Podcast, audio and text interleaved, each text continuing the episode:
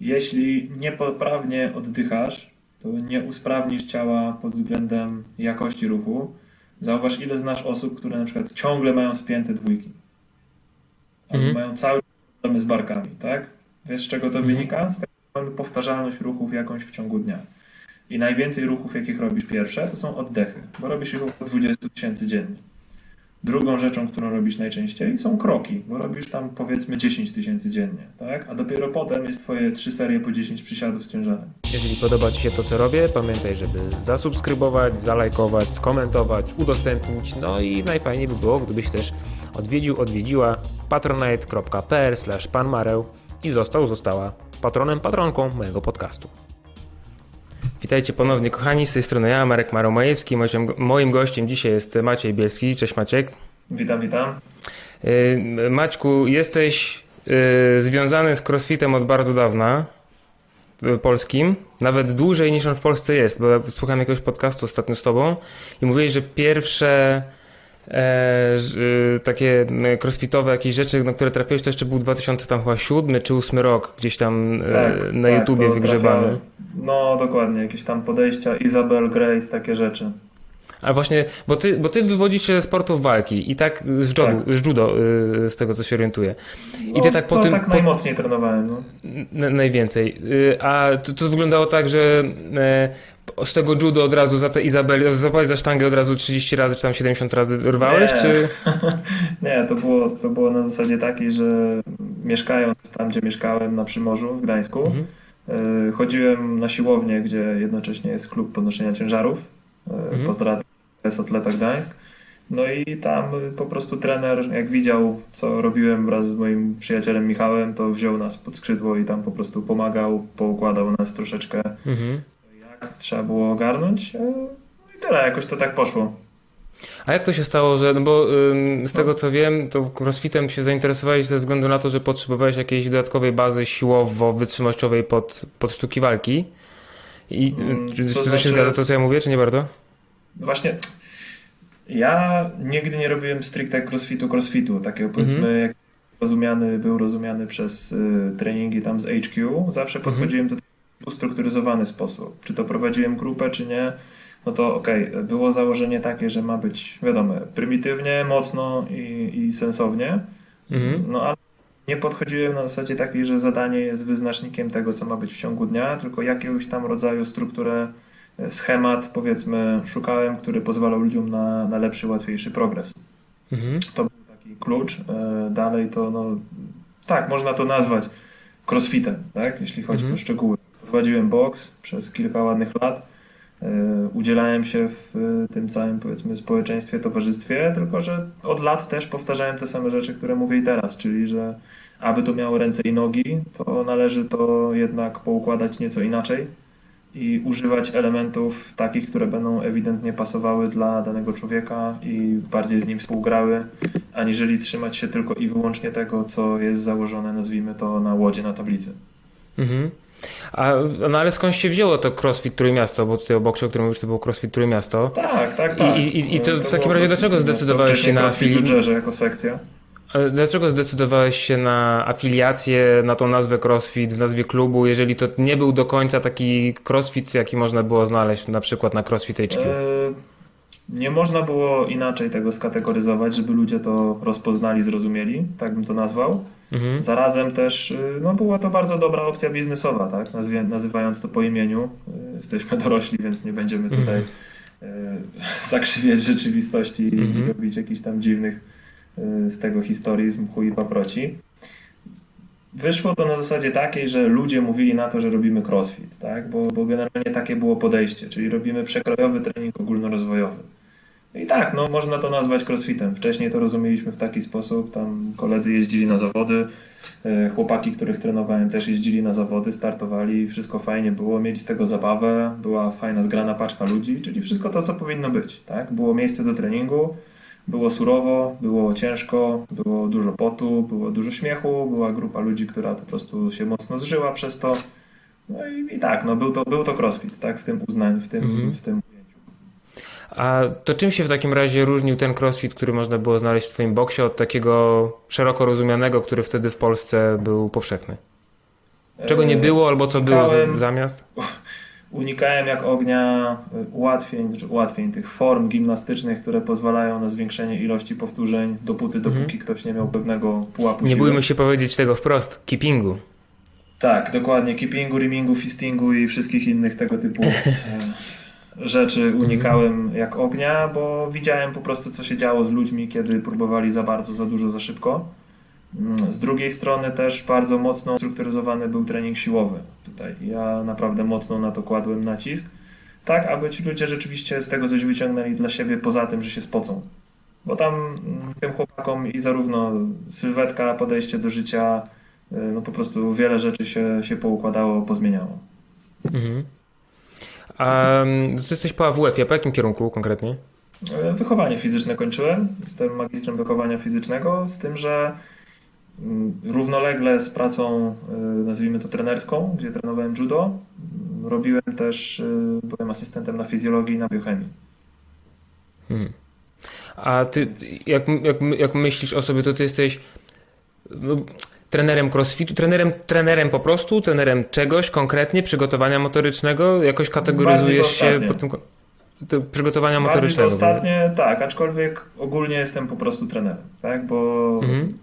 działam i z ludźmi zwykłymi, i ze sportowcami, i ze sportowcami zawodowymi, y, i z amatorami, y, pomagam ludziom masowo, łapię się wielu różnych metod, tak, na zasadzie takiej, że i działam w kwestii użycia własnej masy ciała, pracy nad ruchomością, nad oddechem, e, wzmacnianie za pomocą gimnastyki, ketli, sztang, trójbój, dwubój, trochę strongman, bardzo dużo pracy kondycyjnej różnego rodzaju, mhm. więc jest tego sporo. Mhm. Ale to, y, bo mówiłeś, że trenowałeś sportowców, ale rozumiem, że oni mieli już te elementy ekipy i, i tak dalej, no bo to się pojawiało na zawodach. Czyli to było jakby tylko, nie wiem, dla prosów były jakieś tak, zajęcia? Tak, ci, ci, którzy, no tak, mieliśmy podzielone w boksie zajęcia na trzy grupy, gdzie było tam intro, czy, czy generalnie fundamentals. Później mhm. były łody, które były dla wszystkich, ale można było pójść w górę lub w dół w zależności od tego, co kto sobą reprezentował. No i były zajęcia dla zaawansowanych, advanced, gdzie już przychodziła grupa właśnie tych kolesi, którzy mieli ileś tam lat treningu za pasem, potrafili naprawdę e, te elementy wykonywać. No i jak były mhm. przygotowania zawodów, to jak najbardziej korzystali z tych rzeczy. Ale na co dzień raczej szliśmy w wersje te bardziej wymagające siłowo, uproszczone, a nie tylko i wyłącznie klepanie powtórzeń dla powtórzeń, żeby zmieścić się w czasie albo zrobić jak najwięcej w czasie. A w tym czasie, kiedy y, jakby zaczynałeś y, z CrossFit Trójmiasto y, działalność, to, to był jedyny boks wtedy w Trójmieście całym, czy był jeszcze jakiś tak. wtedy? Nie, to, to, był, to był wtedy jedyny. Później mhm. otworzył się we Wrzeszczu Crosscore, później otworzyła się Stocznia, potem otworzyła się Gdynia, nie pamiętam dokładnie kolejności, a mhm. generalnie my pierwsi jako boks afiliowany. Mhm. Działaliśmy jako sekcja tylko i wyłącznie tam na, na właśnie na atlecie. E, jeszcze pod nazwą CrossFit Wybrzeże, ale tam nie mieliśmy żadnej afiliacji, niczego takiego. Mm. No i tyle. No i tam na kilku innych siłowniach po prostu pojawiały się jakieś tam, nazwijmy to, strefy, tak, crossowe, mm. funkcjonalne, gdzie ludzie też oczywiście przychodzili na zajęcia w ten sposób zorganizowane i w taki sposób to wyglądało. Wiesz co, bo ja w tej chwili jestem troszeczkę na takiej ścieżce poszukiwań miejsc na takiej crossfitowej mapie Polski, które w taki zdrowszy sposób troszeczkę do tego systemu treningowego podchodziły. Właśnie tak jak mówisz, że bez tych bardziej inwazyjnych powiedzmy elementów raczej przeznaczonych dla zawodowców. E, I tak. powiem Ci szczerze, że mimo tego, że Ty na tej crossfitowej mapie już jesteś od bardzo dawna, to jakoś totalnie pod moim radarem e, przeleciało to, że właśnie w taki, a nie w inny sposób e, do tego podchodzisz. A ja nie wiem, czy Ty pamiętasz, ale my się kiedyś poznaliśmy osobiście. To było z. Szczerze nie, nie skłamał. Z 5 albo 6 lat temu to było, jak nie lepiej, Aha. albo jak nie lepiej, chyba z 7 albo lepiej. Byłem na integracji w Trójmieście. Byliśmy w Sopocie A, na integracji. Na, na, na Riboku.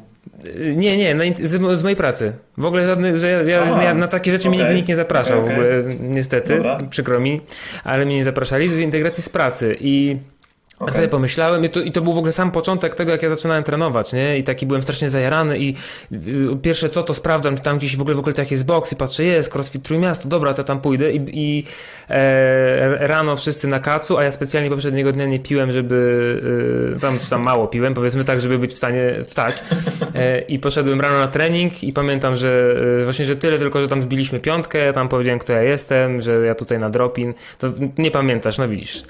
Nie, nie, no nie, nie, nie, przykro mi, nie przykro się. Ale, tak, ale widzisz, nawet byłem w tym boksie, nawet zbiliśmy piątkę, a jakoś y, y, tyle co wiem od Bartka Macka, naszego wspólnego y, mhm, kolegi, tak. zawsze, zawsze, zawsze dobrym słowem o tobie mówił. Ja również. Bartku, pozdrawiam. Bartek Macek, tak, pozdrawiamy.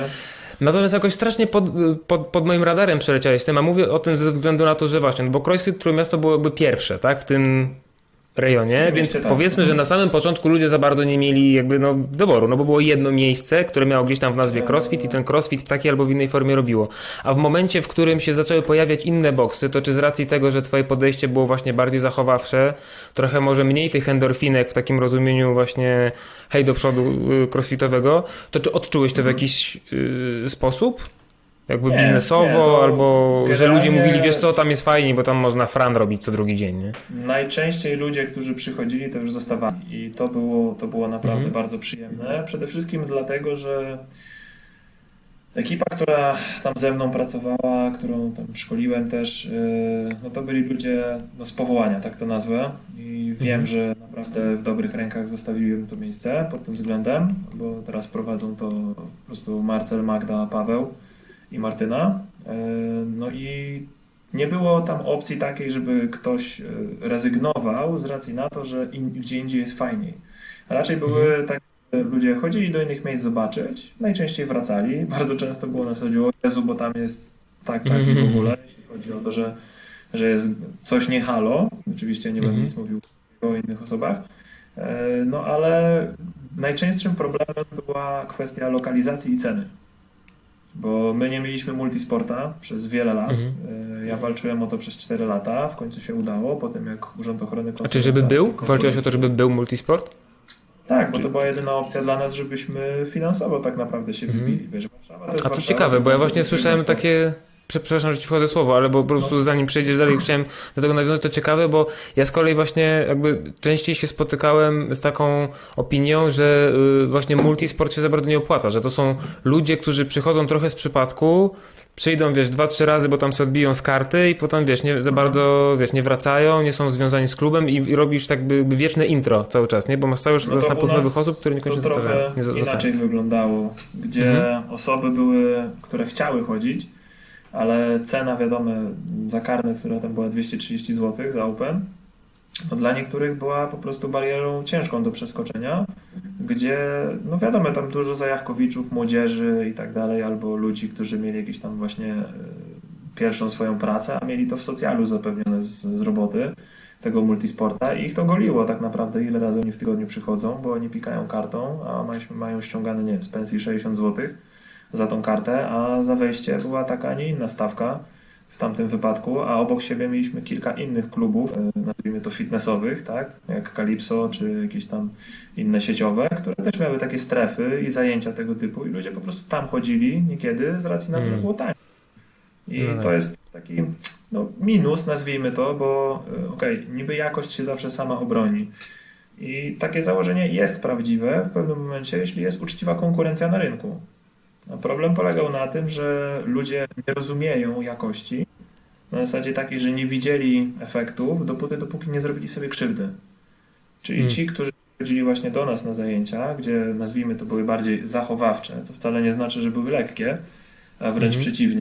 Naprawdę dostawali tam w ciry i to ostre i mieliśmy mocne zróżnicowanie, bo mieliśmy summerboxa na plaży, Robiliśmy treningi w terenie, e, robiliśmy różnego rodzaju pogawędki, niepogawędki, robiłem, nazwijmy to takie e, szkolenia małe, tak, e, dla mhm. tych ludzi.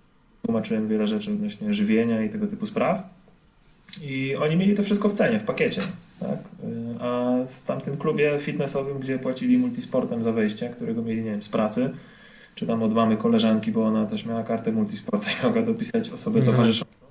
To nie mieli nic. Mieli gościa, który tak naprawdę tylko umiał, umiał wydzielać mordę i, i podkręcić muzykę i to było wszystko, co oni tam potrafili.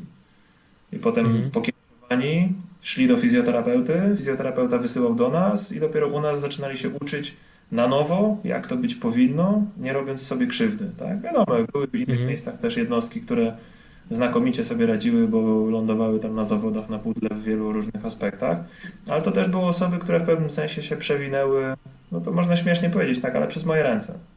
Przez moje mhm. i Michała Tomaszewskiego ręce, bo my jako dwójka e, razem z Pawłem Czaplickim zaczynaliśmy to wszystko właśnie na atlecie, e, tam gdzie podnosiliśmy ciężary i stamtąd się wywodzi jakby trzon tego wszystkiego, który się potem rozplenił na Trójmiasto. E, te osoby, które przychodziły do nas na zajęcia, były trenerami w innych klubach, no i tak się to jakoś tam toczyło. Mhm. A właśnie ciężko było te osoby, które trafiały z innych miejsc, potem przestawić na inne trochę podejście do treningu i myślenia o tym, jak on powinien wyglądać? Wiesz co, nie, bo oni od razu kupowali to, jeśli się czuli lepiej. Mhm. Po prostu był też efekt zmęczenia, ale to był efekt uboczny, a nie cel. I do tego te osoby widziały dużo szybsze i większe zmiany, dużo większy progres, aniżeli wcześniej na zajęciach, na których głównym założeniem było tylko to, żeby kogoś zajechać jak szmatę, żeby był po prostu mokrą plamą na podłodze. Mhm.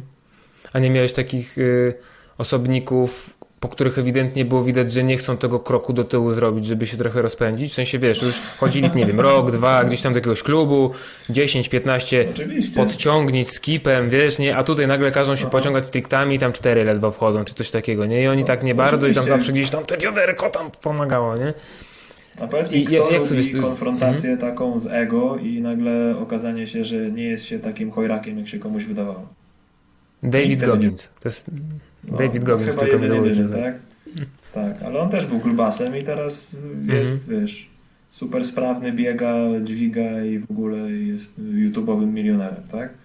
A, a ludzi tak naprawdę, jeśli konfrontuje się w taki sposób z rzeczywistością, to na początku jest im przykro. I to jest tak samo jak w psychologii, jeśli chodzi o jakiś tam efekt straty, tak?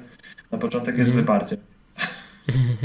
No tak. Później jest, później jest żal, potem dopiero jest jakiekolwiek rozumienie tego i rzeczywiście wyciągnięcie wniosków. Więc te osoby, które nie chciały zrobić kroku w tył, bardzo często uczyły się w bardzo brutalny sposób, bo musiały zrobić krok, jak nie trzy w tył, bo się po prostu zepsuły. Tyle. Mhm. Nie, bo widzę to, no ja, ja trenuję e, w training lab i jakby widzę to, kiedy ktoś przychodzi, od razu jest widać. Kiedy przychodzi Aha. ktoś, kto już wcześniej trenował, ale w jakimś takim, nazwijmy tak. to, tradycyjnym e, e, klubie crossfitowym i bardzo fajnie jest obserwować, bo na początku to się źle, źle, się na to patrzy często, ale fajnie jest obserwować tą zmianę, która następuje y, w ludziach i takie trochę przekonywanie się, że w sumie to się nikt nie, nie, znaczy nie wiem, czy w waszym klubie były wyniki na tablicy na przykład, czy wpisywaliście normalnie wyniki były, treningów na tablicy? Oczywiście, ale to było na zasadzie takiej koleżeńskiej, zdrowej rywalizacji, czyli nie było tam spinania się. Było kilka osób, które oczywiście tam przycinało i waliło w ciula, bo musieli sobie to pisać, bo po prostu ich ego dyktowało, że nie pozwolą na to, żeby ktoś miał więcej. Ale to później było bardzo szybko weryfikowane na, na innych zajęciach, gdzie na przykład trener stał nad głową i ale przecież tam miałeś, nie wiem, wpisane 300 powtórzeń, tutaj ledwo 40 zrobiłeś, no, więc o co chodzi? Mm. I czy 5-8, no to się nie ma co dziwić, no, więc, że tam te cyferki mm. idą. Mm. Ale to już mniejsza z tym. Y, wynik nie był celem samym w sobie dla nas, E, ogólnikowo, mhm. bo tylko po prostu mm, jakby jedna ze składowych, która miała pokazać ludziom, że coś się zmienia. Czyli patrz, wcześniej robiłeś, nie wiem, 90 kg na martwy ciąg, teraz robisz 130. Dalej robimy trzy powtórzenia, tak? Jest 40 kg więcej. Wcześniej robiłeś 30 skoków na skakance, tak? Teraz robisz 50 pod rząd podwójnych. Wcześniej, nie wiem, no, robiłeś trzy podciągnięcia z gumą i to ledwo co, tak? A teraz się podciągniesz 5 razy sam, więc no, tego typu rzeczy były przede wszystkim jakimś tam motorem napędowym. No i ci ludzie naprawdę mocno są zintegrowani do tej pory zresztą, bo, bo widzę ciągle te same twarze na zdjęciach. Mhm. To jest, e, myślę, że tutaj e, ze strony CrossFit HQ, CrossFitu takiego właśnie, który do nas tam przywędrował ze Stanów i tego mhm. wmawiania ludziom, że wszyscy jesteśmy zawodnikami, we are all athletes, tak? To takie znane strasznie hasło. Które no w sumie dopingowało do tego, żeby trenować. Ja nie mówię, że ono było całkowicie bezwartościowe, bo ono jakby też podnosiło wiele osób na duchu, które nigdy o sobie nie myślały w ogóle w kategoriach sportowych. E, natomiast było, to jest taki system treningowy, który był nastawiony, czy jest nadal w wielu miejscach, nastawiony na wynik, a nie na sposób jego osiągnięcia. Przez to nie był nastawiony na rozwój osoby, tylko, znaczy w sensie no, liczył się punkt A i punkt B. W sensie, no tak, jak zaczyna się ruch, proces. jak się kończy. A tak. co się dzieje pomiędzy tymi dwoma punktami, no to tam już w sumie y, magic happens, nie? No, I to właśnie gubiło. Jeszcze... E, mów, mów. mów. Mhm. A temu, nie, bo myślałem, że myślałem, że to jest. CrossFit Slope, gdzie oni próbują mhm. e, różnego rodzaju aberracje w technice wykonania wielu różnych tam ćwiczeń w sposób taki, że o, mhm. bo w crossficie my tak pozwalamy. No, kurwa, no przepraszam, nie, ale jeśli ktoś wie, wygląda kota na płocie, jak kot na płocie, jak ciągnie sztangę z gleby, no to wiadomo, że prędzej czy później zrobi sobie krzywdę, tak? Wiadomo, że tam fizjoterapeuci to zacierali ręce, mm. bo mieli po prostu hajsiwo przez to nastukane, ale e, dla mnie największym problemem w tym mm, ujęciu, że niby wszyscy są sportowcami, e, było to, że tam nie było nastawienia na proces. Tam było to, że CrossFit HQ podaje zadania do zrobienia. Przykładowo, tak? mhm. dzisiaj robimy bieg na 10 km, jutro robisz 5 ciężkich przysiadów z przodu czy tam z tyłu, tak? Następnego dnia robisz jakiegoś tam łota benchmarka i tak dalej, i tak dalej. Okej, okay, fajnie, spoko, rozumiem. Zmienność jak najbardziej jest dobra w treningu pod warunkiem, że ma się strukturę, która jest w jakiś sposób periodyzowana. Czyli ten układ, przykładowo poniedziałek trening wydolnościowy, wtorek trening siłowy, środa trening wytrzymałościowo-siłowy, musiałby być utrzymany przez najbliższe przykładowo 6 czy 8 tygodni. Wtedy by było widać z tego jakiekolwiek rezultaty. Nawet jeśli rozbieżność byłaby na zasadzie jeden poniedziałek biegniesz 10 km, następny poniedziałek biegniesz 3 km. Ale dalej byłoby to utrzymane w tym samym tempie, jeśli chodzi o zdolności motoryczne, które są w tym momencie taksowane. Problem polegał na tym, że zadania, które tam były podawane jako trening, były tak naprawdę formą zawodniczą. A w ten sposób się formy nie mhm. buduje, dopóki się nie jest na poziomie mistrzowskim. I tyle. I to ja pamiętam jak dzisiaj dzień, jak mój przyjaciel Michał Tomaszewski e, startował na zawodach tych pierwszych, które były takich wielkich w Krakowie w 2012. Pamiętasz? Mhm. No to. Yy... Znaczy, jeszcze wtedy się crossfitem nie interesowałem, ale tam były takie mistrzostwa, crossfitowe mistrzostwa Polski, czegoś takiego tak, się Tak, tak, i tam byli ludzie z Czech, chyba jeszcze i ze Słowacji. No nie? Tam właśnie mhm. Czaplicki też był, yy, Bartek, mhm. a Paweł Kozak. To no, generalnie taki początek cały tego, tego, co to tam startowało. No nie? Lucyna Kiszczak, jeszcze mhm. sporo, sporo osób. E, no i Michał przez jakiś czas przygotowywał się robiąc właśnie łody, łody, tylko i wyłącznie gdzie ja nie miałem aspiracji zawodniczych z racji na to, że miałem problem jakiś tam z kolanem. Wiedziałem, że okej, okay, no fajnie, mogę dużo na treningu, ale w momencie, kiedy są zawody, no to będzie ciężko, tak? I ja wszedłem w inną stronę w życiu w tamtym momencie. E, nie żałuję tego pod żadnym pozorem, bo ja ścieżkę trenera obrałem już dawno, dawno temu. Ale on z kolei pracując właśnie w ten sposób, że robił łody jako trening, zauważył bardzo duży spadek, jeśli chodzi o możliwości, bo to naprawdę było tak, że startował z wysokiego C, a potem była tylko i wyłącznie równia pochyła. No ja mówię, chłopie, ty nie trenujesz, ty się zajeżdżasz. Ty się po prostu zajeżdżasz. Mm. No i potem zadziałaliśmy tak, że ja mu rozpisałem, co ma robić na treningach. Jeśli chodzi o podejście takie bazowe, czyli pracę stricte siłową, stricte kondycyjną.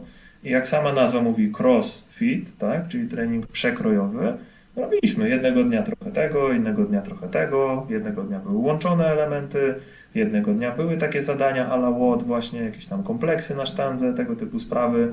I zupełnie inaczej wtedy zaczęło to wyglądać, bo naprawdę ten chłop wtedy no, odbił się od tego, co tam spadło i rzeczywiście bardzo dobrze tam szło na tych zawodach. Mhm.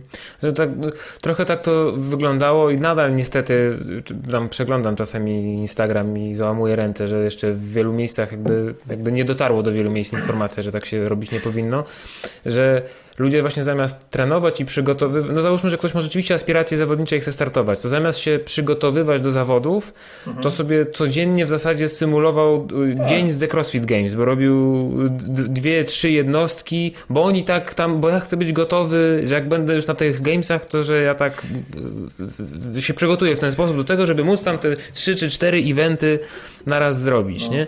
Natomiast e, też tutaj winą trzeba troszeczkę obarczyć tych topowych zawodników ze Stanów, chociaż też nie ma się co im dziwić, no bo chodzi mi o to, co oni wrzucają w social media, nie? Znaczy, no nie wrzucają tutaj... w większości zdecydowanie, niektórzy tak, ale nie wrzucają, że tam sobie gumką macha rączką, bo nie, tam sobie rotator musi poprawić, wiesz, nie? Tak. Pracę aktywacyjną, tylko pokazuje, jak tam na, napierdziela nie wiadomo jakie ciężary albo z jaką prędkością coś tam. Jest kilku takich zawodników i zawodniczek, które rzeczywiście, e, e, Bethany Shadburn ona się nazywa, ta, ta, taka dziewczyna. Mhm.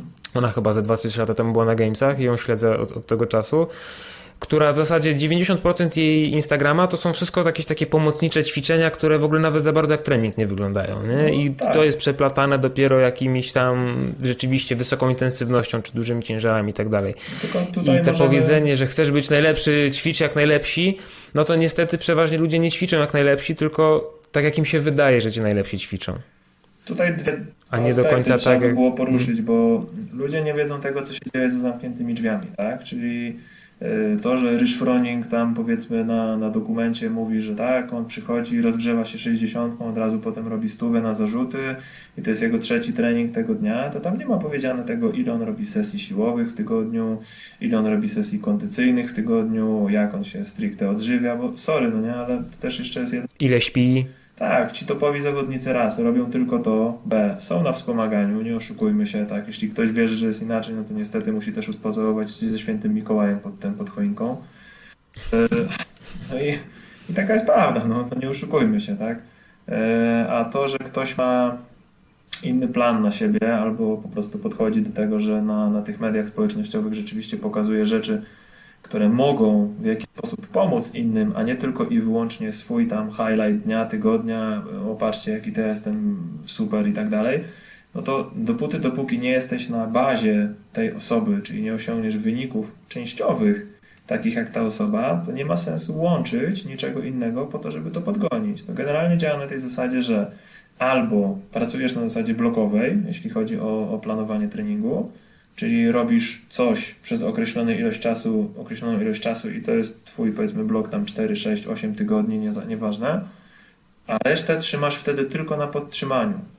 Tak? A potem zamieniasz sobie to, co mhm. jest głównym celem danego bloku treningowego, a resztę znowu trzymasz na podtrzymaniu. Czemu? Bo trening generalnie w ujęciu biochemicznym to jest nic innego jak, jak stymulacja syntezy konkretnych białek. Tak? Czy to są białka mięśniowe, czy to są neuroprzekaźniki, czy to są enzymy, które wspomagają wydolność i przemianę materii i tak dalej. I to jest nic innego, tylko to. I każde to białko, tak jak sterydy i tak jak leki i inne rzeczy, ma okres półtrwania. Czyli od momentu, kiedy ty kończysz dany trening, dany blok treningowy, to przez jakiś czas jeszcze poziom tych białek utrzymuje się na maksymalnym pikowym poziomie. I przez ten czas twoje możliwości nie spadną w żadnym wypadku. A robienie właśnie takiego mocnego rozstrzału, które było na przykład wcześniej przytoczone, czyli poniedziałek 10 km, wtorek ciężkie przysiady albo właśnie każdego dnia symulowanie CrossFit Gamesów, powoduje to, że Twój trening idzie znacznie wolniej do przodu. Znacznie wolniej, bo, bo zbyt wiele rzeczy wrzucasz sobie naraz do kotła, a my mamy jedną baterię na wszystko. I to, czy jesteśmy w stanie odpowiedzieć na te wymagania, które sobie narzucimy, zależy od tego, ile mamy wolnej energii do regeneracji. Jeśli układamy trening na zasadzie tej, że jest ten blok jeden, gdzie mamy konkretny cel, a reszta jest na podtrzymaniu, czyli ok, robię teraz przez przykładowo 4 tygodnie, skupiam się na wydolności, ale robię jakieś ćwiczenie siłowe, na przykład na 3 powtórzenia na 80% w międzyczasie, tylko po to, żeby tą siłę podtrzymać i ona mi nie spadnie w tym czasie, a mogę robić wszystko tylko i wyłącznie biegając na ergometrach, jakieś tam kompleksy, zestawy gimnastyczne, obojętnie co będziemy chcieli. Nawet ta siła może wzrosnąć w tamtym momencie, tak? Ale podejście, że robię formą zawodniczą formę jakąkolwiek, no niestety u 99,9% populacji się nie sprawdzi, bo nie są elitami genetycznymi, jak nie wiem, Bronek Olenkowicz i Kamil Kozłowski, którego znam, bo trenowaliśmy razem judo, tak? Gdzie też, no nie oszukujmy się, robią trening przekrojowy, bo robią elementy, i potem robią to w ustrukturyzowany jakiś tam sposób. Czyli jest praca danego typu i na przykład ta praca łączona kondycyjno-siłowa jako właśnie symulacja tego łoda, który mógłby być na, na zawodach i tak dalej, i tak dalej. Zgadzam się z Tobą w 100%. Ja bym do tego tylko dodał to, że troszeczkę zafałszowywać obraz tego, co powiedziałeś, może to, że to, znaczy to co ty teraz powiedziałeś, mhm. ma 100% przełożenia na osoby już chociaż trochę wytrenowane, które już w sensie nie, nie, nie przesiedziały ostatnich 15 lat na kanapie, mhm. nie ćwiczyły w ogóle, tylko już mają jakiś tam bazowy poziom sprawności. Natomiast w przypadku osób, które właśnie przesiedziały te ostatnie 15 czy ileś tam lat na kanapie się w ogóle nie ruszały, to w ich przypadku, jak pójdą na taki hashtag typowy crossfit tak. i zrobią 7 treningów dziennie przez 4 tygodnie, no to o ile nie umrą i sobie nie urwą ręki, to w ich przypadku ten skok sprawny, bo ja pamiętam po sobie, tak? Ja co prawda trochę biegałem, tam jakieś, nie wiem, pompki się w domu robiłem czy coś, ale to było naprawdę jakby no, mało. I pamiętam, że po tych pierwszych dwóch czy trzech miesiącach chodzenia na, na crossfit, no to czułem się po prostu, no, no wiesz, no jak inny człowiek, tak, nie? siedem razy silniejszy, Właśnie, w ogóle no. nie wiadomo co. I to było takie błędne koło się wpadało, że ok, czyli ja muszę teraz trenować jeszcze więcej, no. żeby utrzymać te tempo jakby poprawy albo nawet je przyspieszyć, nawet jeżeli to nie do końca uświadomione było, nie? Natomiast no nie, to ma bardzo krótkie nogi, to się w bardzo krótkim okresie sprawdza. Tak, no to jest, to jest ten pierwszy okres Szybko adaptacji, kończy. przy którym właśnie ciało z poziomu zero wytrenowania, czy tam bardzo niskiego poziomu wytrenowania, przy jakimkolwiek bodźcu dostaje plus na wszystko. A następnie jak już ten okres y, podstawowy, przejściowy mamy za sobą, no to już ta praca musi być w jakikolwiek sposób ustrukturyzowana. Inaczej to no niestety, ale no nie będzie działać, tak? Będzie tylko i wyłącznie detrymentalne, bo właśnie nakładając więcej pracy na siebie, czy, czy mocniejszą pracę, spowodujemy to, że będziemy zabierać tylko i wyłącznie tą wolną energię potrzebną do regeneracji. Hmm. A czy ty czujesz się w jakiś sposób jeszcze związany z crossfitem? Bo ty już nie jesteś związany w tej chwili z crossfit Trójmiasto, tak? Nie, dobrze, nie, nie. dobrze to, już, to już jest ponad I widziałem na, na Instastory u ciebie jakiś, swój, jak, jakiś swój, swój klub chyba otwierasz teraz, znaczy tak? Ja, Powoli ja szykujesz studio treningowe e, już od ponad mhm. lat. E, tam też właśnie dostaliśmy się, nazwijmy to, z CrossFit Miasto z racji na spółkę, zawiłości jakieś tam, jeśli chodzi o kwestie finansowe i tak dalej. E, to nie jest tak, że tam była jakaś tam zła krew czy coś takiego. Ja poniekąd byłem tym już zmęczony, bo pracowałem jeszcze wtedy na zupełnie innych warunkach. Robiłem zarówno jako trener, e, współwłaściciel boksa, zarządzający tam w jakiś sposób tym, co się działo na treningach. Z drugiej strony pracowałem indywidualnie z ludźmi. E, z trzeciej strony byłem już szkoleniowcem. I no nie dało się tego połączyć tak, żeby to miało ręce i nogi i sensownie było poukładane, plus nie robić jakby krzywdy którejkolwiek z tych dziedzin. Więc poszedłem w to, co było bardziej opłacalne finansowo, czyli pracę indywidualną czy w małych grupach, plus szkolenia. Hmm. No i też... A czujesz się w ogóle w jakiś sposób związany z crossfitem? Nie wiem, śledzisz coś się w wielkim crossfitowym świecie eee, dzieje, czy to Obserwuję jest... te osoby, które są jakimiś tam ikonami, w sensie mam ich e, mhm. tam profile na mediach społecznościowych, mm, ale czy tak, żeby się już tam emocjonować tym, pod żadnym pozorem nie. E, czy tak, żeby e, zwracać na to uwagę, to moim zdaniem, tutaj oczywiście nie mam zamiaru nikogo urazić, e, ale boom już przeminął, nie? jeśli chodzi o to, bo no, wiele klubów rezygnuje z afiliacji, jeśli nawet nie większość, taka jest prawda. Do tego no, system to jest system, tak? Każdy ma plusy i minusy. Ten miał bardzo dużo wad, które próbowali naprawdę watą cukrową tutaj zakrywać mówiąc, że nie, że wszystko jest fajnie, dopóki masz koszulkę Reeboka i tak dalej. No? Więc no tutaj no tak to nie działa. Mnóstwo ludzi się pokiereszowało przez złe prowadzenie. Dlaczego? Bo wystarczyło pojechać na dwudniowe szkolenie level 1, yy, zrobić papier, można było dostać afiliację w ten sposób, a nie testowało to żadnych kompetencji tej osoby, poza tym, że miała znajomość jakąkolwiek języka, w którym zdawała test.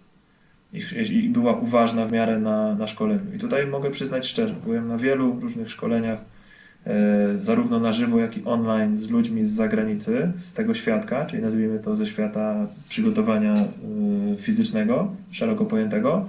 I CrossFit Level 2 było najgorszym szkoleniem, na jakim byłem. Najgorszym. Pod względem hmm. kościowym, pod względem merytorycznym, e, pod względem przykładania się osób, nawet które to prowadziły, co było śmieszne, bo dwie osoby, które tam były, Wes i kurde, jak miał ten nie wiem, czy, czy to był Włoch, czy, czy Portugalczyk, czy Hiszpan, no ale generalnie dwóch kolesi, których tam było, było również na level 1 w Finlandii, w którym byłem w, w tym. W, jak się nazywała ta miejscowa? Nie wiem, Tampere chyba albo, albo Turku, nie pamiętam. No ale generalnie to level 1 zrobiło na mnie ogromne wrażenie, gdzie była super fajna ekipa. Zresztą był tam ten Yami Tikkanen, który był. Mhm.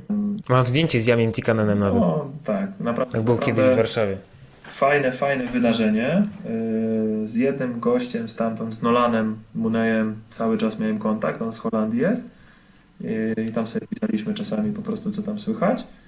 Reszta, no tam jakoś było bo jakoś, tak? Yy, jesteśmy friendami na Facebooku, ale tam nic, nic poza tym mhm. nie, nie, ma interakcji. Że... Nie wynika z tego za bardzo. Dokładnie, mhm. ale level 2 no, zawiodło mnie naprawdę po całości.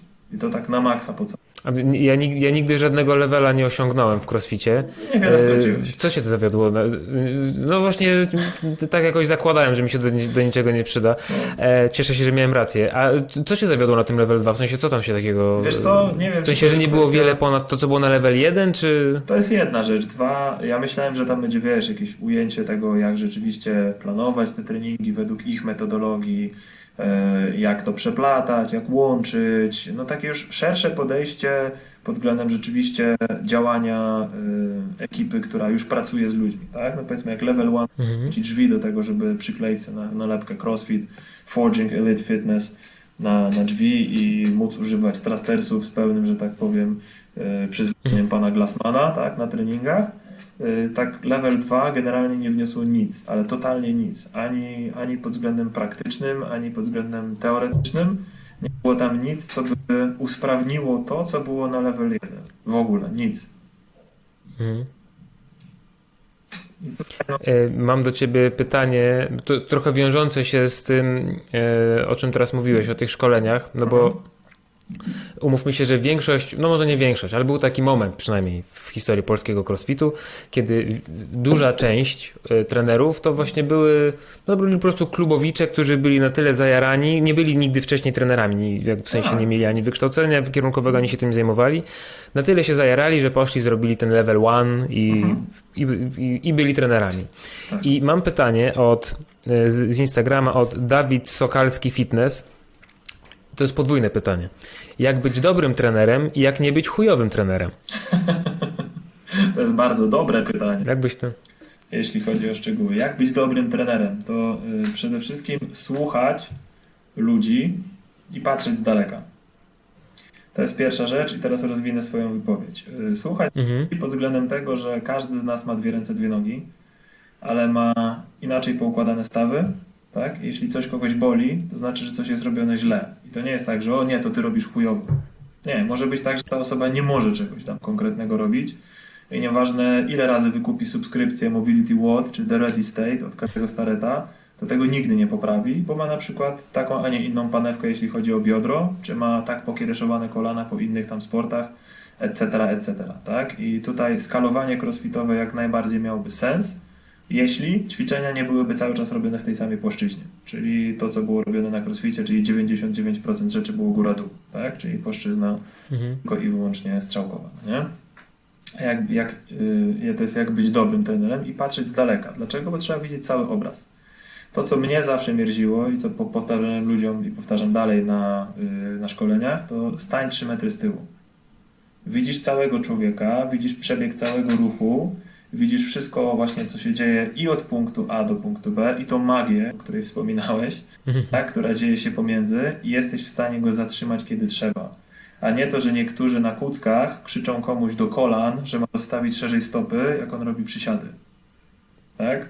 No tak, i nie widzą, co tam się na górze dzieje. Dokładnie, więc tutaj, no niestety, mhm. ludzkie ciało to jest łańcuch i to jest łańcuch kinematyczny, który tak naprawdę jest powiązany wszystko ze wszystkim. I to, czy masz silne stopy, wpływa na to, jak będziesz kontrolował swoje biodra, a to z kolei, jak masz silny brzuch, będzie kontrolowało, czy z tych bioder jesteś w stanie korzystać. Jeśli ktoś tutaj mhm. na zasadzie takiej mocno zero-jedynkowej, typu, że o nie, musisz przy przysiadzie robić tak, tak, tak i tak, no to niestety, ale nie rozumie tego, co ma robić jako trener rzeczywiście, tak? Bo tu chodzi o dopasowanie rzeczy do człowieka. Jak brzmiał drugi człon tego Oj, pytania? coś chyba nas urwało troszeczkę. Mógłbyś mógł ostatnie zdanie powtórzyć, bo Jasne. nie wiem, czy, czy przeszło, bo troszeczkę mi urwało, nie słyszałem, co powiedziałeś. Mhm. Czy mógłbyś drugi człon pytania mi przypomnieć? Znaczy drugi człon pytania to jest, proszę ja ciebie, jak nie być chujowym trenerem?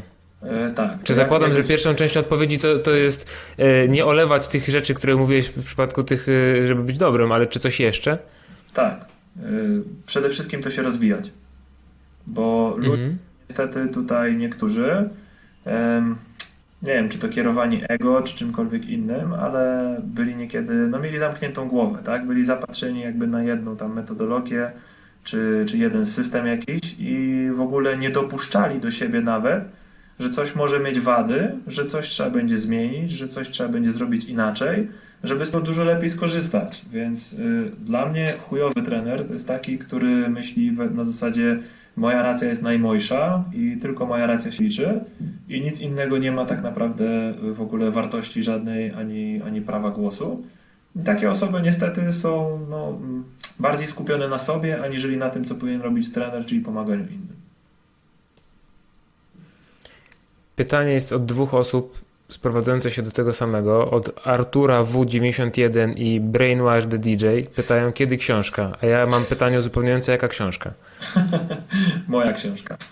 Eee, Mhm. Piszesz książkę? O czym? Tak, no taki nazwijmy to głupkoodporny poradnik, jak zadbać o siebie, gdzie Mhm. opisuję po kolei wszystko, co należy robić, e, nazwijmy to przekrojowo, aby właśnie być sprawnym, będąc zwykłym człowiekiem, czyli bez żadnego spinania się na e, zawodowstwo i na podejście, tak jak mówiłeś, 7 dni w tygodniu, tak, 3 treningi i tak dalej, bo tyle nam nie jest potrzebne. E, Kiedy książka, odpowiem bardzo dyplomatycznie, wkrótce, jak tylko ym, część osób wie z o śledzenia tam Instagrama przykładowo, mam teraz dosyć mocno y, zajęte ręce, jeśli chodzi o remont, y, budowę nowego miejsca, więc jak ten etap zostanie klepnięty, wtedy większość energii będzie przekierowana na to, aby dokończyć projekt związany z książeczką.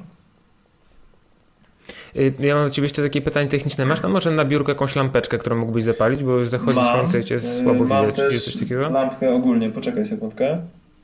Dobra, jasne. Mhm. A few moments later. Rewelacyjnie teraz to wszystko wygląda. Witajcie po przerwie technicznej. Y, Do, do tego, co powiedziałeś przed chwilą, mam tak, takie pytanie, co jest dla ciebie podstawą sprawności?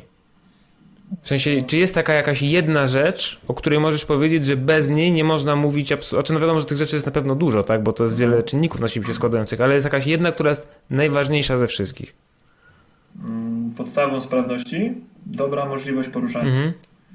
Generalnie mam taki fundament, y, piramidę nazwijmy to wartości treningowych swoją, gdzie kluczem jest poprawne oddychanie, następnie drugim poziomem jest jakość ruchu, czyli właśnie całe podejście do tego, aby móc się ruszać bez bólu i w pełnym zakresie.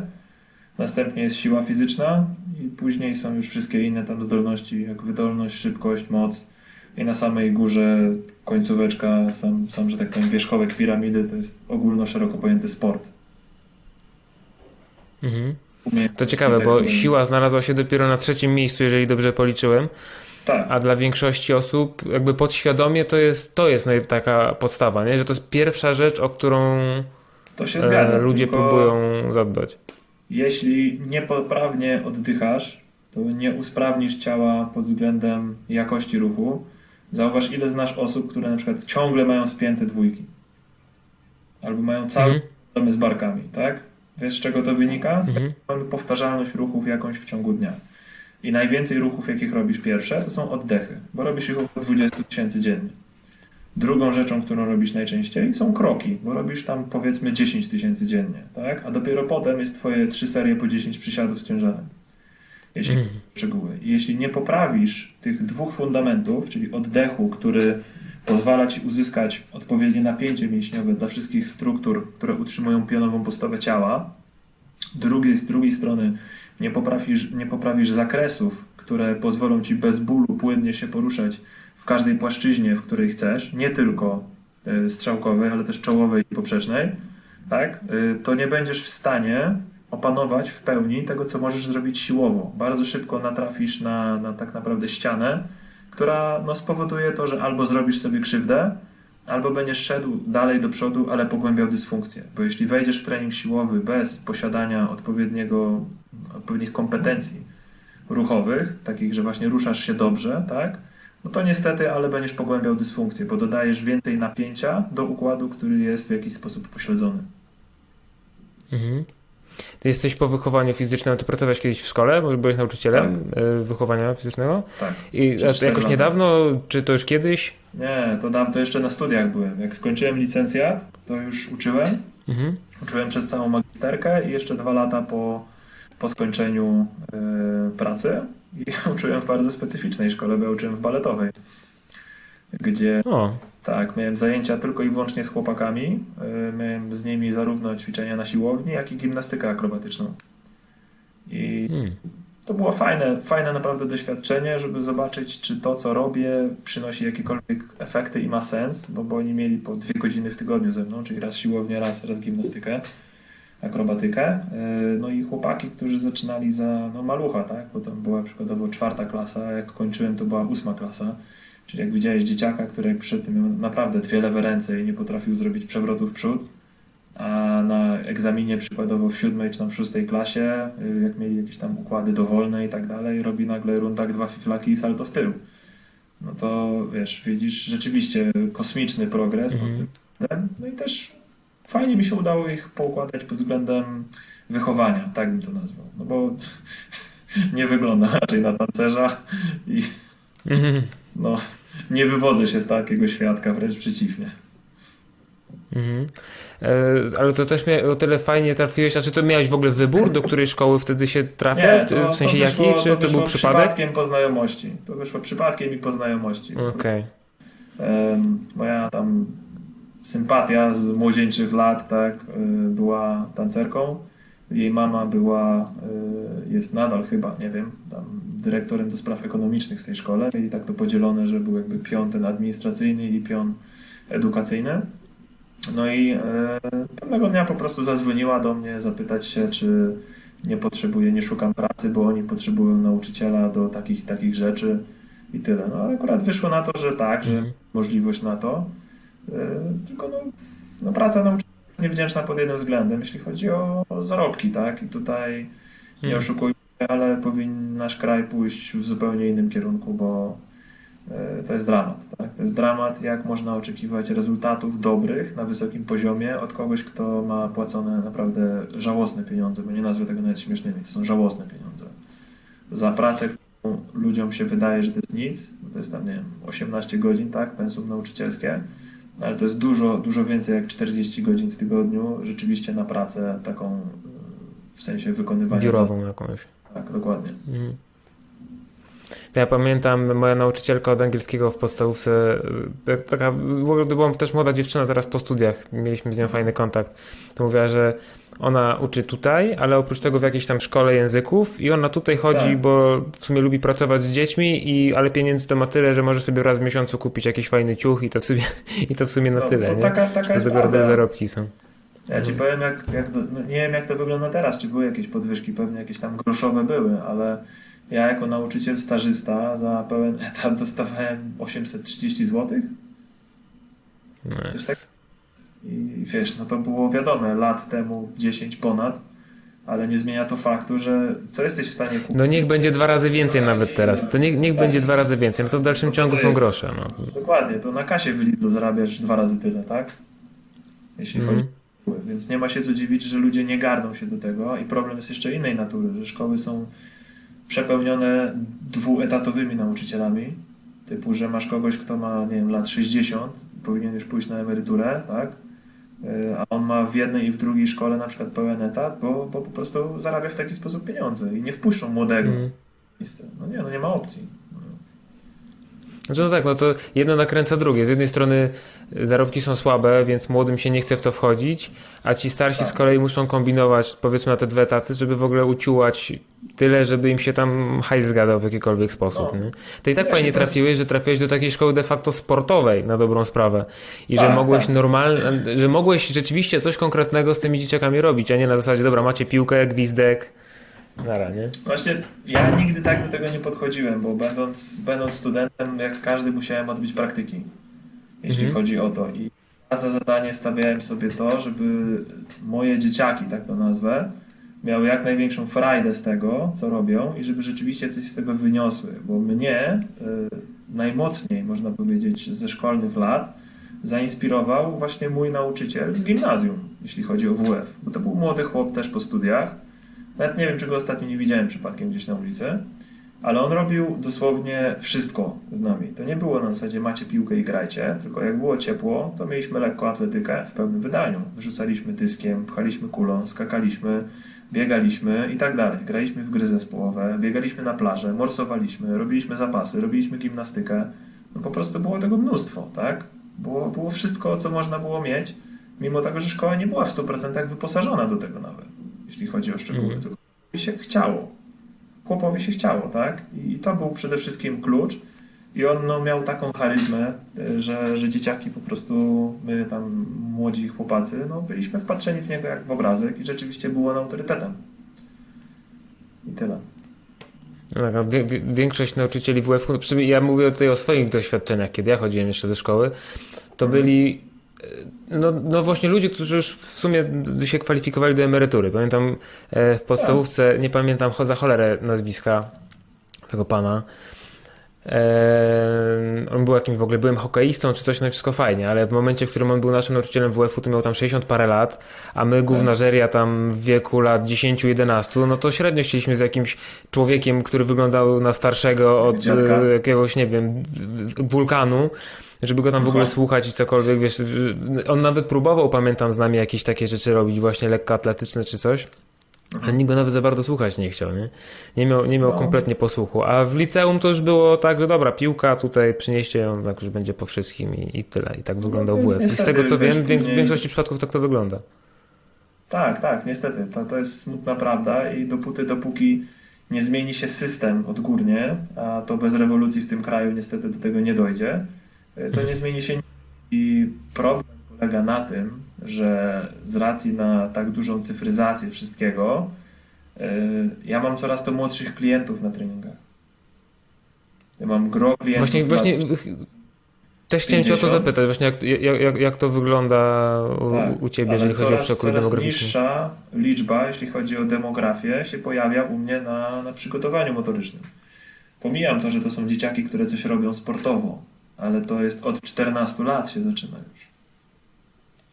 Tak? Więc hmm. dla mnie to jest nie do pomyślenia, gdzie mamy tyle możliwości teraz. Wiadomo, status ekonomiczny każdego jest inny i tutaj ciężko się jakkolwiek pod tym względem za innych wypowiadać, ale samo to, ile jest dostępnych rzeczy w infrastrukturze miejskiej w wielu różnych miejscach, tak? Skateparki, street workouty, y, orliki, boiska do kosza i tak dalej, i tak dalej. Wiadomo, teraz jest tam cała ta pieprzona pandemia, jakieś tam koronawirusy, E, ale wcześniej ja nie widzę tyle dzieci, które było za naszych czasów, jak byliśmy małolatami, które latały od rana do wieczora na boisku, na placu zabaw i tak dalej, i tak dalej. Ja tego nie widzę po prostu. To są dzieciaki, które są amebami, przyklejone do tableta lub telefonu, mają zespół Samsunga Apple'a, czyli mm. web do przodu, że gdyby nie to, że mają palce u stóp, to by po prostu gębą po ziemi ciągnęły.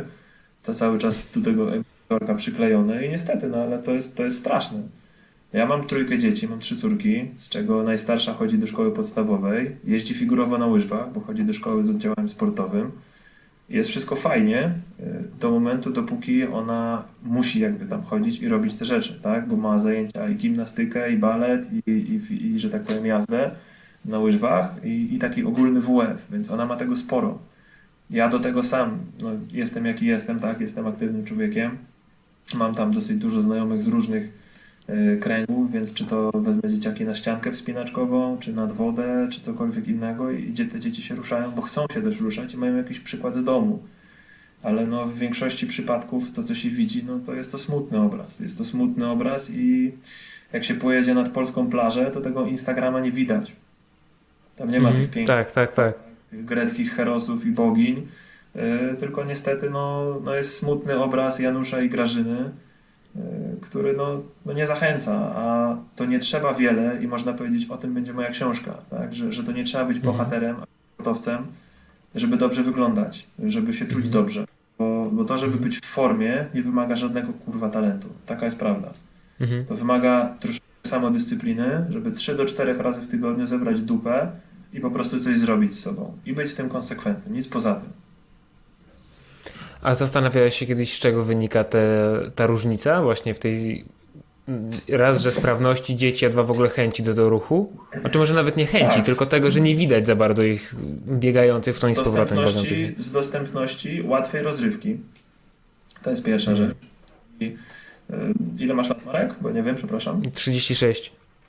No ja mam 35, tak? No to jesteśmy rocznikowo praktycznie identyczni. Ile miałeś kanał w telewizji za dzieciaka? Z 6, może Ile 7. było z bajkami? Zero na początku, później się pojawiał Cartoon Network i to było super. Właśnie, właśnie, tak? Ile czytałeś książek? Dużo, bardzo dużo. Czytałem pewnie z 20 książek rocznie w podstawówce będąc. I ile czasu spędzałeś na placu zabaw? W sumie mało. Ja bardzo lubiłem, gry, lubiłem grać w gry, ale do pewnego, do, do, do, do pewnego momentu, ale i tak mimo, mimo tego, że dużo siedziałem przed komputerem, to i tak dużo więcej spędzałem czasu niż widzę teraz yy, po Tak, dzieciakach, nawet jedno, tam właśnie, gdzie bo, mieszkam. Bo teraz wiesz, dzieciaki mają gry, które my mogliśmy pomarzyć, y, że tak powiem, na komputerze grając na początku, czy na konsoli, teraz mają w telefonie, tak? E, To jest Mhm. jedno. Dwa to są, y, nie, nie są nauczone y, jakby związków międzyludzkich, szeroko pojętych, bo opierają się na mediach społecznościowych, a nie na ży- ży- żywych relacjach, gdzie wcześniej y, mieszkało się na osiedlu jakimś tam, to wszystkie dzieciaki się praktycznie znały, tak? Jeszcze tak, rodziców znały i tak dalej, i tak dalej. Ci rodzice znali te dzieci. Wychodziło się po szkole na dwór i, i się te dzieci jako, w jakiś sposób integrowały. Na placu zabaw, czy gdziekolwiek indziej, czy na boisku, czy na trawniku, po prostu w jakiś sposób się integrowały. Teraz tego nie ma. Teraz rodzice Mhm. wychodzą z dziećmi, żeby ich pilnować, bo niestety nasze pokolenie jest teraz rodzicami i w myśl tego, że moje dzieci będą miały lepiej niż my, e, robimy im krzywdę, bardzo dużo. Robimy z nich kaleki, zarówno emocjonalne, umysłowe, jak i fizyczne, bo robimy za dużo rzeczy za nich. Mhm. Wiesz, to byłem, czekaj, to było w zeszłym roku, czy dwa lata temu, już nie pamiętam. U kolega mieszkał w, w, wtedy, jak jak tam byłem, mieszkał w Szwajcarii. E, I i wyjechaliśmy tam go odwiedzić. I jak ja się strasznie zdziwiłem, ucieszyłem i w ogóle jak mi się to strasznie podobało, wyszliśmy sobie na spacer, idziemy sobie przez las, wychodzimy za zakrętu i idzie dwójka małych dzieci, na oko siedmioletnich, może ośmiu. No, I mają tylko na szyi taką tabliczkę, imię, nazwisko, jakiś numer telefonu, Numer coś tam telefonu. jeszcze i sobie maszerują, nie? Ja tak patrzę, kurwa, o co chodzi? Pytam tego kumpla, ty, co, co, co, co, co jest grane? Mówi, no tak, y, tak się uczy w Szwajcarii dzieci samodzielności. Wracają same ze szkoły, znają dokładnie trasę, którędy mają iść, w razie czego mają tą tam plakietkę z imieniem, nazwiskiem i mają same wrócić. I nawet powiedział, że jest taka opcja, no bo wiadomo, no, taki zwyczaj czy inny, ale że jest numer jak zaczynają dopiero te dzieci w taki sposób chodzić, ci rodzice ich puszczają, to że są takie akcje, że rodzic gdzieś tam, wiesz, za krzaka, wiesz, tam śledzi to dziecko praktycznie za krzaka, No. upewnia się, czy na pewno, wiesz, tam gdzieś tam się czają z jakimiś znakami drogowymi, czy coś, wiesz, tak, no no. że to takie, że takie zabawne y, historie są, ale tak mi się to strasznie spodobało. Właśnie ja pamiętam, co prawda ja miałem dosyć blisko swoją szkołę, ale to też nie tak, że po drugiej stronie ulicy, tylko jednak kawałek tam musiałem przejść do podstawówki. Mhm. Chodziłem sam chyba od drugiej już klasy czy trzeciej. Eee, A w tej chwili ja akurat mieszkam w takim miejscu, gdzie na ulicy, gdzie jest mój budynek, akurat jest jakieś, nie wiem, zagłębie szkół po prostu i jest strasznie dużo szkół, przedszkoli. Ja, nie, ja nawet za bardzo nie widzę, żeby rodzice nawet pieszo odprowadzali te dzieci, Tak, tylko jeszcze a już, a już w ogóle, żeby same szły, to już w ogóle nie ma w ogóle mowy, No. tylko wiesz, samochodem pod same drzwi masz wysiąść, z tych drzwi wejść, w tamte drzwi, wiesz, tak Tak. Zastanawiam się, z czego, z czego znaczy, bo to, co mówisz o, o, tych, o tej technologii, która nam od, odczłowiecza niektóre procesy, to się jakby zgadzam w zupełności. Ja się jeszcze zastanawiam, czy tutaj też przynajmniej częściowo nie jest winne to, że tak jak mówiłeś, kiedyś jak się mieszkało na osiedlu, wszyscy się tam znali. Bo tam Tak. się mieszkało od zawsze. Rodzice tam mieszkali, długo się mieszkało z rodzicami, często się Tak. były w ogóle wielopokoleniowe jakby te Mhm. domy, rodzinne mieszkania, a w tej chwili się ludzie powyprowadzali gdzieś często, cholera wie gdzie daleko od domu, jeszcze na zamknięte osiedle, jeszcze coś, nikogo nie znają, no, no, nie, wiem, jak ja widzę swojego sąsiada w garażu podziemnym, ja mu mówię dzień dobry, a on udaje, że akurat patrzy, tam ta rura jest jakaś ciekawa strasznie, wiesz, i nawet nie, nie odpowie, to ja się zastanawiam, z czego to wynika, bo ja w ogóle teraz jestem w swoim starym pokoju, bo u mamy teraz jestem swojej, korzystam z przestrzeni, żeby sobie nagrywać. To, to jest mój stary pokój, tutaj e, okay. różne rzeczy się ciekawe działy. To w tym bloku to wszyscy się absolutnie znali. W lato wychodzili tak. ludzie, ciasto, kawka, stoliki, nagle wiesz. A w tej chwili ja sobie nie wyobrażam czegoś takiego, e, żeby coś takiego mogło się wydarzyć na moim osiedlu. I to troszeczkę szkoda. żeśmy. No szkoda, bardzo wielka szkoda. Ja to, co mhm. prawda tutaj żeśmy wyszli totalnie poza temat e, ten, o którym mówiliśmy na początku, ale myślę, że. Yy, tak jak mówisz, że jeżeli coraz to młodszym osobom jest potrzebny fachowiec od tego, żeby im powiedział, jak się, nie wiem, mają ruszać i tak dalej, i tak dalej, no. e, a kiedyś każde siedmioletnie dziecko było w stanie wejść, no może nie każde, tak, no ale większość siedmioletnich dzieci było w stanie wejść na drzewo, przeskoczyć przez no. płot, no. tak, no, tak. no dokładnie, no to rzeczywiście gdzieś w pewnym momencie w złym kierunku skręciliśmy, nie? Ciekawe, ciekawy tylko jestem, czy będziemy w stanie kiedyś wrócić na tą ścieżkę z powrotem, jakąś ciekawszą, troszeczkę lepszą. Wiesz co, tak, ale mówię, to, to potrzeba niestety rewolucji, no nie? bo świadomość ludzi jest dużo wyższa, zwłaszcza tych z naszego pokolenia i tak dalej, i tak dalej. My chcemy dobrze dla dzieci, dla siebie i tak dalej, i tak dalej, no nie? Tylko problem polega na mhm. tym, że to w jakim otoczeniu teraz też żyjemy, niestety, ale bardzo mocno kształtuje to, na co jesteśmy wystawieni codziennie. Tak? I tutaj już do tego nie przewalczysz, bo okej, okay, moja córa tam Lina ma 7 lat i ona nie ma telefonu. No i nie będzie miała, bo po co jej? Tak? Ja mogę jej kupić babciofon, ten, który ma, wiesz, 12 czy tam 15 Taki z wielkimi takimi guzikami, to całą dłonią tak, można je tak, wciskać. Tak, dokładnie. Żebym, żebym ja mógł do niej zadzwonić, albo ona do mnie i koniec. Jak się nauczy ewidentnie sprawnie pisać, to niech napisze do mnie SMS-a, tak? Typu, nie wiem, tato, zostałem na świetlicy, odbierz mnie później ze szkoły, cokolwiek. Ale nie, że dziecko chce teraz iPhone'a, czy tam Samsunga, czy, czy tam Huawei albo cokolwiek innego, żeby grać w gry się dalej odmurzać, tak? I odrealniać i, i odklejać. Wiesz co, gry to jeszcze, gry to jeszcze pół, wiesz co, ja gier będę bronił, bo ja się sam na grach wychowałem, jakoś, jakoś funkcjonuję w ja społeczeństwie. Też, ja też. Więc gry, gry, gry, gry to, to jest, że... wiesz, pół biedy. Gorsze są dużo, wiesz, social media w rękach media dzieci. Bo, to, bo tak, te komu tak. tak, media społecznościowe, bo one te komórki mają głównie po to, znaczy mój syn ma dopiero półtora roku, więc on komórkę to ma, to się cieszy jak ją widzi, bo tam jest pies na tapecie, powiedzmy, nie się cieszy, nie? Więc tak. to jest na razie tylko tyle. Ale mają po to, żeby tam czy na Messengerze, czy na jakichś Whatsappach, albo innych w ogóle aplikacjach, o których ja nie słyszałem nawet, że one istnieją. Głupoty no różne się tam głupoty, znaczy żeby głupoty to były, to jeszcze pół biedy, tylko to jest wiesz, wręcz szykanowanie się nawzajem, oczernianie i tu tak. też wychodzi to, o czym mówiliśmy wcześniej. Kiedyś się wszystkich na osiedlu znało, Wiedziało się, kto tak. gdzie mieszka, widywało się ich codziennie i trochę trudniej było komuś powiedzieć w twarz, że nie wiem, śmierdzisz i masz pchły czy cokolwiek, bo po pierwsze tak. widziałeś reakcję tej osoby na to, że mogło być jej, nie wiem, przykro, mogło się popłakać i tobie się mogło z tego powodu zrobić przykro. Widzisz to, albo mogłeś w mordę po prostu dostać, nie? Też, też taka tak, ewentualność, no, zawsze trzeba było się z taką liczyć, no. A w tej chwili, e, no to, no napiszesz co napiszesz i to jest takie zero, takie oderwane od czegokolwiek. Bezpieczny. Tak, jesteś bez... no, keyboard warrior, no z, z czegoś się wzięło to określenie, nie? że, że napiszesz, tak. wysłałeś, aha, wiesz, i taka, i taka właśnie łatwa też satysfakcja tego, że osiągnąłeś coś, nie? Że, komu, że komuś coś zrobiłeś, ale no, no ktoś ci może że coś odpisać, nie? ale no to, to nie jest to samo, co przy takich, to też zauważyłem, e, że zupełnie inaczej mi się rozmawia z kimś, ta sama osoba, nawet w pracy powiedzmy, nie? Na mailach już tam jest eskalacja taka, że już po prostu zaraz nie wiadomo, będą CIA musieli jakiegoś negocjatora wysyłać, żeby, żeby uspokoić sytuację, ale za chwilę spotykamy się na żywo, rozmawiamy i po pięciu minutach już jest wszystko ok, już jest, wiesz, i właśnie tak. bra brakuje tego wszystkiego w tak wielu aspektach życia, że jak ja rozmawiam o tym ze swoimi, ze swoimi znajomymi, to mam wrażenie, że wszyscy o tym wiedzą, ale nikt z tym nic nie robi. Mhm. Tylko, że też możliwe, że żyję w jakiegoś rodzaju tak. bańce i że to akurat po prostu ja i moi znajomi sobie zdajemy z tego sprawę, ale większość społeczeństwa nie, to tak no, w sumie... Na szczęście nie, tylko właśnie to, to zaczyna pękać, bo przynajmniej tak mi się wydaje, y, że to zacznie i, za, zaczyna, i zacznie pękać z racji na to, że to poszło, poszło wszystko za daleko już. Tak? Cała ta sytuacja geopolityczna, mm. która jest teraz związana tam z pandemią, plus to, co zaczęło się dziać właśnie na mediach społecznościowych, typu jeśli nie zgadzasz się ze standardami Facebooka, to ci wyłączymy Facebooka, e, a wcześniej założenie tego było zupełnie inne, tak? To nie było upolitycznione, Tam nie było jakiegokolwiek y, podejścia tego typu.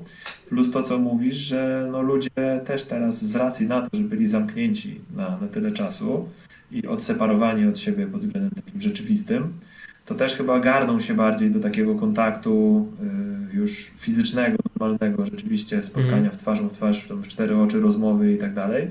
Też mi jest miło, że widzę Cię na kamerze teraz, tak? Mm. Obecnie jestem w Kielcach, Ty jesteś w Warszawie.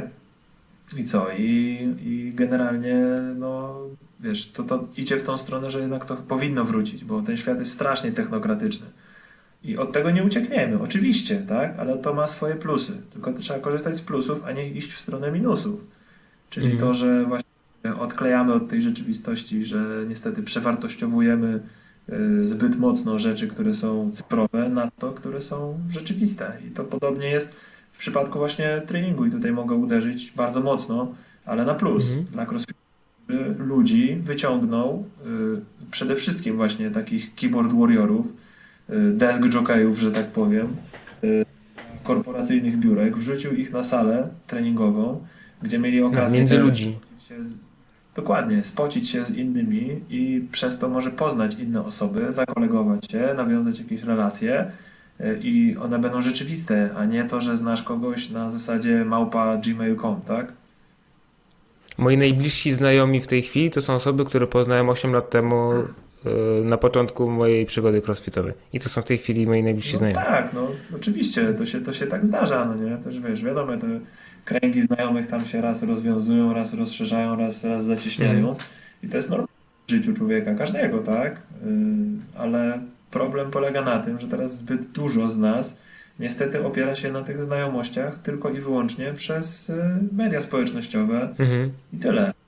Kiedy ostatni raz, wiesz, ja no, bardzo chciałbym zobaczyć się z kilkoma osobami, yy, których właśnie nie widziałem lata, a, a miałbym z nimi o czym pogadać, yy, które właśnie, nie wiem, jak im idzie, jak się czują, jak tam się, że tak powiem, w tej roli, jakiej, jakiej są w życiu teraz odnajdują i tak dalej, i tak dalej. Nie wiem, pamiętasz, było coś takiego, nasza klasa, no nie? No to, to, to było... Nie, nie miałem konta na naszej klasie, ale było, było. No, tak, że tam osoby, które wiesz, lata się nie widziały, nagle mogły na nowo się spotkać, tak? Bo służyło to wtedy do tego, żeby ugadać mm. się w jakimś tam miejscu, wymienić numerami telefonów i rzeczywiście spotkać. A teraz ludziom wystarczy to, że napiszą do siebie na czacie i wiesz, i, tyle, tak? Nawet nie, nawet wystarczy to, że znajdą jakiegoś znajomego na Facebooku, tak. wyślą mu friend wyślą request, mu on zaakceptuje Dokładnie. i to jest znajomość odświeżona. Wiesz, to jest, no, już, jest, już jest koniec, nie? nie I tam raz na jakiś, ale wiesz, ja to tak mówię, ja to tak mówię, ale tak trochę o sobie też mówię, bo też tak czasami robię, że uda mi się, wiesz, znaleźć kogoś, y, jakiegoś znajomego czy znajomą z podstawówki mhm. albo z liceum czy ze studiów. Wyślę to zaproszenie do znajomych, ktoś tam przyjmie, fajnie, ja potem zalajkuję dwa zdjęcia, ten ktoś zalajkuje jedno czy dwa zdjęcia i tyle. I, I cały czas się, i, ca, wiesz, i, i, cały czas sobie myślę, kurde, muszę się odezwać do tej osoby, w ogóle za, zapytać o coś, nie wiem, może się uda jakoś umówić, cokolwiek. I nigdy tego nie robię, nie mam pojęcia dlaczego. No, choroba najbardziej rozpowszechniona XXI wieku, czyli nie insulinooporność i otyłość, tylko prokrastynacja. Pięknie powiedziane. Pięknie powiedziane. I, zgadzam się, jestem w 100%. Ja jestem mistrzem prokrastynacji. Ja bym mógł, jakby, jakbym miał kiedykolwiek ja z czegoś zrobić szkolenia, to jest mój pierwszy wybór. E, posłuchaj, mam do ciebie jeszcze mm, pytanie od y, Trenuj na zdrowie. Trenuj na zdrowie pyta jedno marzenie, czy masz jedno marzenie związane z branżą fitness lub szeroko pojętym treningiem? Hmm, kurde, powiem ci, że mocne. Kiedyś, y, kiedyś byłoby to moje własne miejsce do, do, do trenowania, takie od jakiego właśnie zaczynałem, czyli kiedy jeszcze byłem na atlecie i, i prowadziłem mhm. sekcję, to moim marzeniem było posiadanie właśnie takiego miejsca, jakim było CrossFit Trójmiasto. E, a teraz raczej będzie to dotarcie do dużo szerszej ilości osób i zmiana świadomości. Ponieważ no, jestem na takim etapie, że jestem w jakiś sposób rozpoznawalny e, i jakąś tam publikę udało mi się zebrać.